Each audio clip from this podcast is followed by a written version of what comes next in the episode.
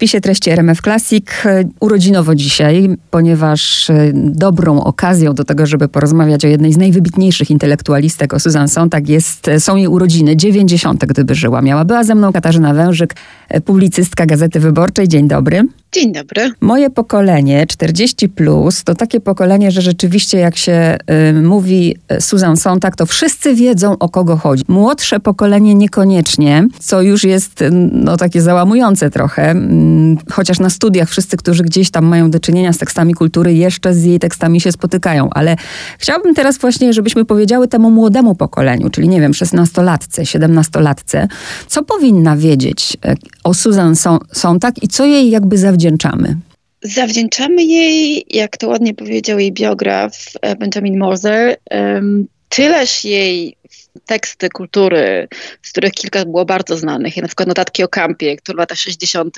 jakby zrehabilitowały, wtedy trzeba było, y, kulturę osób LGBT, pokazały, że cudzysłowie przegięty styl tak naprawdę też kształtuje gusta osób, które nigdy by się o to nie podejrzewały, albo nie wiem, jej esej o fotografii, który pokazywał, jak, który utworzyła się nowa rama interpretacji e, właśnie fotografii, e, są oczywiście ogromnym wkładem w eseistykę, w, w teorię kultury, ale też e, jej życie, no bo jak Tomazer powiedział, ona pokazywała innym, jak to jest być wolną. Ludzie, którzy się ją spotykali po raz pierwszy, mieli właśnie to wrażenie, tak? To jest kobieta, która żyje jak chce, a co dla kobiet urodzonych w latach 30. XX e, wieku bynajmniej nie było ani łatwe, e, ani częste. Wspomniała Pani przed chwilą właśnie o książce Benjamina Mozera. Powiedzmy, co znajdzie czytelnik w tej książce? Czy to jest książka dla takiego kogoś, kto kompletnie chce poznać, e, kim jest Susan Sontag, czy, czy dla tych, którzy już mają sporą wiedzę, odkryją coś nowego? Znajdzie wszystko, bo to jest ponad tysiącstronicowa cegła, która opowiada, to jest chyba, to, to będzie ta definiująca biografia Susan tak, bo on naprawdę wykonał gigantyczną pracę, rozmawiał z wszystkimi, którzy ją znali, którzy jeszcze żyją, przekopał się przez tony dokumentów, więc to jest tak wszystko, co zawsze chciałeś wiedzieć o Susan Sontag, ale bałeś się zapytać. To jest też bardzo intelektualna biografia, czytałem jakiś czas temu, ale pamiętam, że tam się wydała taka to nie jest typ biografa, który go kręci jego obiekt w tym sensie, że on go uwielbia, że, że jakąś dziecięcą fascynację. To jest właśnie taki intelektualny biograf, który dużo miejsca poświęca interpretacji jej utworów, które dużo miejsca pod, poświęca na wgryzieniu się właśnie w, w, to, co ona raczej mogła wtedy myśleć, niż, niż co mogła czuć. Tym niemniej jest to świetna książka i bardzo wyczerpująca. Czytając w ogóle tę książkę, trzeba cały czas mieć ten kontekst, o jakich my latach mówimy, bo wtedy, w tamtych czasach, bycie Susan Sontag to było coś. Dzisiaj dla nas to się w ogóle wydaje takie oczywiste, że e, nie wiem, promujemy książki, no to znam i wiem, jak wygląda pisarz, pisarka, ale w tamtych czasach bycie znaną pisarką to zupełnie było czymś innym niż dzisiaj, prawda? Tak i nie, bo z jednej strony ona nie, nie, tyle była znaną pisarką, co była jeszcze znaną bardziej, jeszcze, ona była znaną intelektualistką. Więc o ile teraz znane pisarki są nam znane, to intelektualiści może nieco mniej, a jest taka przepiękna scena, którą Mozart opisuje, że jest 65 rok, mamy tutaj modny nowojorski klub, przed klubem oczywiście długa kolejka, a tu znajomy Susan tak podchodzi, podchodzi do bramkarza, szepcze mu coś do ucha i całe towarzystwo bez kolejki wchodzi. No i co on powiedział? Powiedział, jestem Susan Sontag. Więc nawet bramkarz w nowojorskim klubie znał intelektualistkę, która napisała bardzo trudny esej notatki o kampie. Więc to dziś się wydaje nieprawdopodobne, a wtedy było możliwe. No bo ona no też działało na jej korzyść to, że ona była wtedy młodą, piękną kobietą, często występowała w telewizji, miała takie zdecydowane poglądy, była charakterystyczna, wyróżniała się i rzeczywiście y, była też jedną z nielicznych kobiet wtedy w, w, takiej roli, więc to też pewnie działało na jej korzyść. Się też zastanawiałam nad tym, czy ona sobie to wypowiedziała, bo to jej dzieciństwo wcale przecież nie było łatwe z matką alkoholiczką, więc można spokojnie powiedzieć dziecko DDA.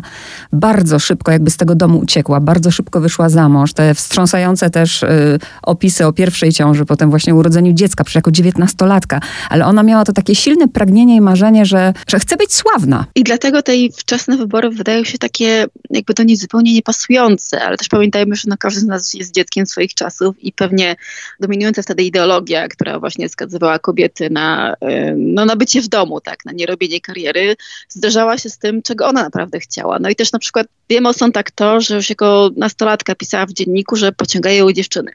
Tylko dalej, mamy lata 50., czy tam nawet 40., homoseksualność jest uznawana za perwersję, za zboczenie, tu oczywiście cytaty, to są poglądy z tamtych czasów.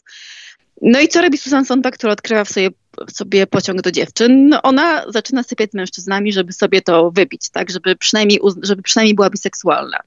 I z jednej strony no, mamy takie zaprzeczenie samej sobie, a z drugiej ponownie lata 50. największym skarbem młodej kobiety jest dziewictwo, a tu Susan Sontag zapisuje w swoim notatniku bodajże 30 paru kochanków. Idziemy dalej, idzie na studia, wyprowadza się do Chicago i nie, nie, niemalże pierwsze co robi, to po tygodniu czy dwóch znajomości wychodzi za mąż, zostaje taką tradycyjną żoną, która po nocach pisze prace naukowe swojego męża, bo ona była od niego bardziej inteligentna. Więc tutaj kolejne jakby zaprzeczenie tego, co ona chciała, tylko no, wytrzymuje w tym związku, nie wiem, 2-3 lata, yy, ucieka i, i, dopiero wtedy realizuje siebie. Myślę o tym, co się później w jej życiu stało, też jako 42-latka, że dowiaduje się o chorobie nowotworowej i o tym, jak ona traktowała siebie. Tam nawet w, w biografii padają takie słowa, że ona tak bardzo chciała być tak czysta moralnie, a była najbardziej nieczystą osobą. Czyli tak jakby mm, wypierała to i to, co właśnie pani powiedziała, działała na przekór temu, żeby taką nie być, więc krótko mówiąc, tutaj ciało, a duch y, rozjeżdżały się, ale ona chyba też trudno jej było przyjąć, że być może z tego właśnie wziął się rak. No ona była potwornie oddzielona od swojego ciała, w tym sensie, że no tak z jednej strony miała problem z higieną, ona się musiała w dzienniku dopingować, żeby umyć zęby, a potem się w tym dzienniku zwierzała ze swoich y, porażek w, tym, w tej dziedzinie. Ona, kiedy urodziła dziecko, to było dla niej ogromne zdziwienie, że jej wody odeszły i że poród tak wygląda. W ogóle się tym jakoś nie, nie interesowała. To było dla niej to, tota, totalnie oddzielone. Z chorobą podobnie. Ona paliła dwie paczki papierosów dziennie. Ona się w ogóle nie oszczędzała. To, że ona potrafiła pracować niemalże 24 godziny na dobę, to, to nie było, to nie była, to, to, to nie napędzała jej tylko, nie wiem, intelektualna ciekawość, ale też amfetamina, więc ona swojego ciała w ogóle nie oszczędzała i tak, i faktycznie, kiedy wpadła w chorobę, to z z jednej strony napisała fantastyczny esej o chorobie, w którym właśnie pokazywała, że to takie myślenie, że choroba jest za coś karą, to, to, to jest nieprawdziwe, no a z drugiej strony jakby też się od tego oddzieliła, tak? Ona, ona długo uważała, że ona z własną wolą z tej choroby, z tego raka pierwszego i drugiego udało jej się wyjść. Tak, podoba mi się też to, co Mozier e, robi. No nie jest ta biografia taką jednostronną, że faktycznie, kiedy pokazuje ją jako tą młodą matkę, która, nie wiem, zostawia to swoje dziecko i siedzi w tej bibliotece, interesuje ją to bardziej. Pokazuje też ją jako później w tym tym okresie, kiedy ona naprawdę jest sławna i no niezbyt fajnie traktuje chociażby swoje partnerki. Ja mam wrażenie, że ona może nimi sterować, że nie dostajemy tutaj jakby obrazu wielkiej, wspaniałej intelektualistki Susan Sontag, ale też y, kobiety z mnóstwem wad i z bardzo rozbudowanym i rozbuchanym ego chyba na szczęście era takich hagiograficznych biografii, gdzie stawiamy naszą postać na piedestale i tylko mówimy, jak ona była piękna i wspaniała, się na szczęście skończyła. Zwłaszcza, że Sontag faktycznie była po prostu kobietą skomplikowaną. No była tym dorosłym dzieckiem alkoholika. Może za dużo jej matce nie pisze, więc nie chcę tutaj bawić się w domorosłą psycholożkę, no ale jej matka mm, była z tej epoki, kiedy się o niektórych rzeczach się po prostu nie mówiło. Ona swojej ciąży nie mówiła, ona swoim córkom o śmierci ich ojca długo nie powiedziała, a właśnie kiedy została wdową, no to jej starsza córka, czyli Susan, została jej jedyną podporą. I właściwie to, to dziecko stało się matką dla swojej matki. E, I potem jej wzorce przywiązania były też no, trudne i wręcz toksyczne. Znaczy jak była młodsza, to zazwyczaj jej partnerki nad nią dominowały, dręczyły ją. Ona była taka, no ona, ona na to pozwalała, ona była w tym, tej, w tym związku stroną masochistyczną. A im była starsza i sama była silniejsza, to to się role odwróciły. I związek z Ani Leibowitz, swoją drogą genialną fotografką, osobą z dorobkiem i też sławną, no był taki, że Suzanna nią dominowała, dręczyła ją, upokarzała publicznie, a Ani Leibowicz to znosiła. Więc te jej wzorce przywiązania były, no wymagało, wytrzymanie Susan tak wymagało naprawdę dużo miłości i dużej odporności psychicznej. Myślę, że też warto, żebyśmy powiedziały o nazwisku, bo yy, to jest niesamowite, że zawdzięcza je osobie, która nawet nie jej nie adoptowała, prawda? Powiedzmy właśnie o tym, że był ten moment, że ona w swoim życiu mm, no, wstydziła się tego swojego żydowskiego pochodzenia.